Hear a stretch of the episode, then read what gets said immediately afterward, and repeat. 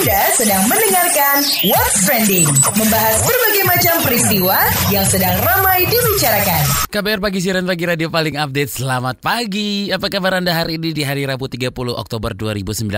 Bersama saya Don Brady di What's Trending KBR Pagi. Seperti biasa kita akan ngobrol seru, ngobrolin banyak hal yang um, lagi ramai diperbincangkan dan yang lagi viral. Ya udahlah ya, kemarin bilangnya nggak viral. Oke, pagi ini kita akan ngobrolin satu hal yang keren banget. Ini digadang jadi pusat startup. Seperti apa Papua Youth Creative Hub. Jadi sebuah pusat kreatif pemuda yakni Papua Youth Creative Hub itu dicanangkan awal pekan ini saat kunjungan Presiden Joko Widodo ke Papua. Lahan seluas 1,5 hektar pun sudah disiapkan di Jayapura untuk pembangunannya. Digadang-gadang sebagai Silicon Valley-nya Indonesia, tempat yang bakal dituju untuk pengembangan bisnis startup ini dikelola oleh Papua Muda Inspiratif. Jadi dengan adanya pusat kreativitas pemuda tersebut, Presiden berharap akan muncul unicorn dan dekakorn baru dari wilayah Indonesia bagian timur, khususnya dari Papua nih. Unicorn itu adalah istilah untuk perusahaan rintisan bervaluasi lebih dari satu miliar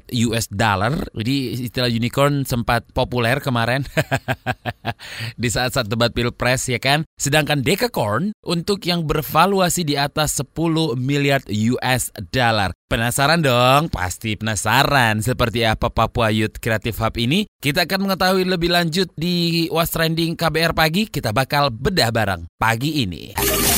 Kamu lagi dengerin What's Trending KBR Pagi.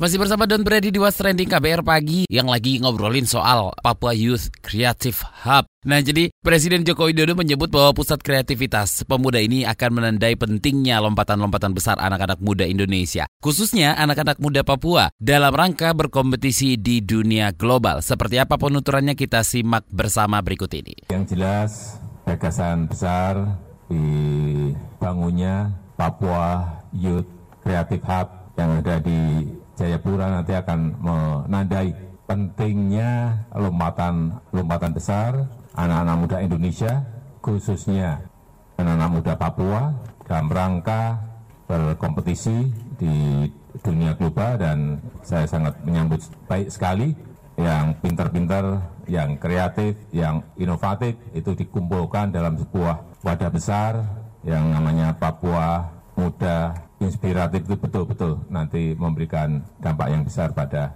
tanah Papua. Kita akan ketimpangan terutama infrastruktur, konektivitas akan terus kita kejar agar Indonesia bagian barat, Indonesia bagian tengah, dan Indonesia bagian timur ini memiliki sebuah kesamaan. Jangan sampai terlalu tertinggal sekali. Dan kemudian juga yang berkaitan dengan sumber daya manusia, pembangunan SDM menjadi prioritas untuk nanti lima tahun ke depan. Oke, itu dia tadi pernyataan Presiden Joko Widodo soal Papua Muda Inspiratif, ya kan? Nah, penasaran seperti apa? Nanti kita juga akan ngobrol dengan Billy Mambrasa, Direktur Utama dari PT Papua Muda Inspiratif. Kira-kira seperti apa ini Papua Youth Creative Hub ini nantinya ya? Jadi sekali lagi ini sudah uh, disiapkan di Jayapura dan lahan sudah disiapkan di sana sekitar 1,5 hektar untuk pembangunannya udah disiapkan di sana keren ya kan? Mudah-mudahan semuanya berjalan lancar biar kita semua bahagia melihat banyak anak anak-anak muda yang kreatif bermunculan kembali khususnya dari timur. Kamu lagi dengerin What's Trending KBR Pagi. Oke, kita lanjutin ngobrol soal um, Papua Youth Creative Hub atau Papua Muda Inspiratif ya. Dan di pusat kreativitas itu pemuda-pemudi Papua akan ditempa program pengembangan kemampuan dan keahlian berbisnis ataupun gerakan sosial. Seperti apa penjelasannya kita akan obrolkan bareng Billy Mambrasar, Direktur Utama PT Papua Muda Inspiratif. Mas Billy, apa sih sebenarnya cita-cita dari Papua Youth Creative Hub ini? Jadi uh, kebetulan saya kan pernah belajar di beberapa kampus di luar negeri kan. Saya pernah belajar di Harvard, saya pernah terakhir saya di Oxford uh, University di Inggris dan di situ tuh dia punya innovation hub. Innovation hub itu itu saya pikir menarik sekali. Jadi innovation hub itu tempat di mana anak-anak berkumpul untuk mencari solusi atas permasalahan yang terjadi. Begitu. Bukan pemuda-pemudi menjadi peminta-minta atau minta lagi, minta lagi, tuntut lagi, tuntut lagi, tapi masuk ke dalam sebuah space, sebuah ruangan dan mencari solusi untuk mensejahterakan atau mencari solusi sos permasalahan sosial maupun environmental dengan teknologi, dengan startup, dengan ide-ide kreasi. Itu ide dasarnya. Lalu sekembalinya saya ke tanah air, saya berkecimpung dengan social movement di Indonesia, khususnya di Papua.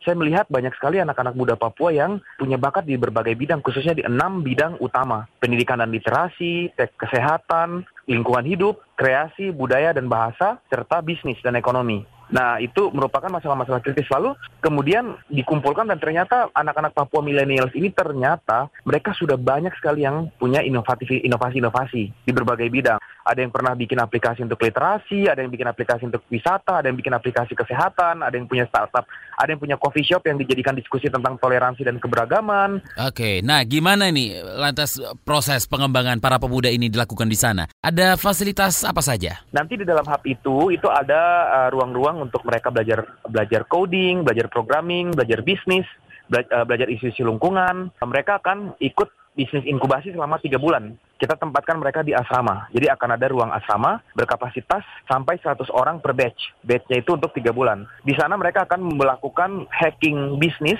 Kalau pernah dengar hacking bisnis ya, hacking bisnis itu mereka lihat oh masalah yang kritis di Papua atau di Indonesia. Kita mainnya tuh langsung Indonesia, bukan Papua saja Indonesia. Karena narasi yang pengen kita bangun tuh kita pengen bilang ke 270 juta orang Indonesia bahwa hey kami anak-anak muda Papua Indonesia, Papua ini bagian dari Indonesia dan kami siap membangun negeri ini dari timur. Gitulah narasinya sebenarnya. Jadi kami tampilkan semua masalah masalah yang ada di bangsa kita, kita tantang anak-anak tersebut. Oke, dengan bakat kamu, kamu munculkan ide apa? Nah, nanti setelah ide mereka muncul, lalu mereka di grooming oleh mentor selama tiga bulan sampai jadilah sebuah ide produk, prototype, teknologi, bisnis atau service atau bahkan social movement. Nah, setelah itu di launching di hub tersebut, launchingnya di mana di convention hall. Jadi di lantai satu itu kita punya convention hall yang bisa dipakai untuk presentasi, acara-acara. Mereka launching di situ, kemudian nanti difasilitasi oleh ya, Creative Hub ini kita hubungkan dengan investor. Investor baik pemerintah maupun swasta yang mau menginvest ke inisiatif tersebut, lalu mereka kembali ke kampung mereka atau kota mereka dan mereka menjalankannya. Ada kriteria bagi pemuda-pemudi yang ingin bergabung? Iya, kita sudah punya 265 orang yang mendaftar sudah, padahal ba ba bangunannya belum ada. per hari ini, per hari ini sudah ada 265 anak muda Papua yang sudah punya startup bisnis, dan social movement yang mendaftar masuk untuk bergabung. Padahal hubnya sendiri belum jadi. Uh, untuk yang awal ini kita punya ide dan sudah berjalan. Uh, ke depannya kita akan buka untuk publik di mana target rekrutmen kita adalah menciptakan 100 entrepreneur per tahun. Tetapi keanggotanya sendiri bertambah 250 orang per tahun. Nah untuk ke sananya kan nanti membangun ini kan butuh 9 bulan sampai 12 bulan. Selama 9 sampai 12 bulan itu kita akan roadshow di tujuh kota studi besar Papua dan Papua Barat dan di empat kota studi di luar Papua dan Papua Barat yang di mana masih mahasiswa Papua terpusat ada di sana. Barang ini tuh ke depannya bukan hanya akan milik ah, muda-mudi Papua, tetapi seperti narasi Pak Jokowi adalah Indonesia Timur. Jadi kita akan menjangkau juga sampai ke Ambon, NTT begitu. Karena hub yang hub yang akan berdiri itu pertama Jayapura dan Sorong. Sorong itu kan pintu gerbang untuk teman-teman dari Ambon, Ternate, ya kan NTT mereka bisa ke situ juga. Terima kasih Billy Membrasar, Direktur Utama dari PT Papua Muda Inspiratif. Abis ini kita dengarkan apa kata Miss KBR soal Papua Muda Inspiratif. What's Trending KBR Pagi. Penasaran sama komentar Miss KBR? Ini dia Miss KBR. Miss kemarin itu sempat baca satu artikel. Biasalah ya, online-online itu, kalimat awal itu artikel bunyinya gini nih. Anak muda Papua kini boleh berbangga. Iya kali, selama ini mereka kagak bangga gitu jadi orang Papua? Atau malah mereka emang gak boleh bangga sebelumnya? Itu kalimat jadi pembuka berita perkara pembangunan pusat pengembangan kreatif dan pengembangan bisnis startup. Itu emang wow banget. Cuma kok ya cari kalimat pembuka beritanya itu loh, mbok iya kalimat lain gitu.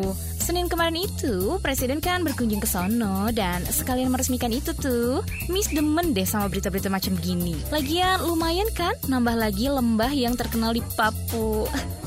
Ada lembah balium, ada lembah silikon, kok nggak enak ya itu disebutnya? Anyway, pengelolaannya sih ada satu perusahaan yang didirikan oleh muda-mudi asal Papua dari tujuh wilayah adat. Usaha dari kegiatan sosial dan bidang yang berbeda-beda juga. Tuh kan, berbeda-beda itu baik, eh? Apalagi kalau bisa kerja bareng-bareng. Hmm, intinya adalah itu tempat bakal jadi inkubator alias bejana pengembangan inovasi, kreativitas, bisnis, bahkan bakat hingga menuju puncak ya, Wak. Itu tempat emang bakal jadi tempat belajar. Entah itu perkara bisnis, teknologi internet, pemrograman, dan dasar-dasar pengembangan startup. Ngarepnya sih ya, ini presiden sih yang punya harapan, bukan Miss tentunya. Bakalan muncul itu unicorn dan dekakorn baru dari wilayah Indonesia bagian timur. Khususnya dari Papua. Duh, yang bisa jawab pas debat capres kemarin. Oke lah itu rencana. Kalau terwujudkan kita juga ikut seneng. Cuma ya percuma juga. Kalau semisal sudah maju, kemudian ada protes kanan kiri, eh internetnya dibatasin.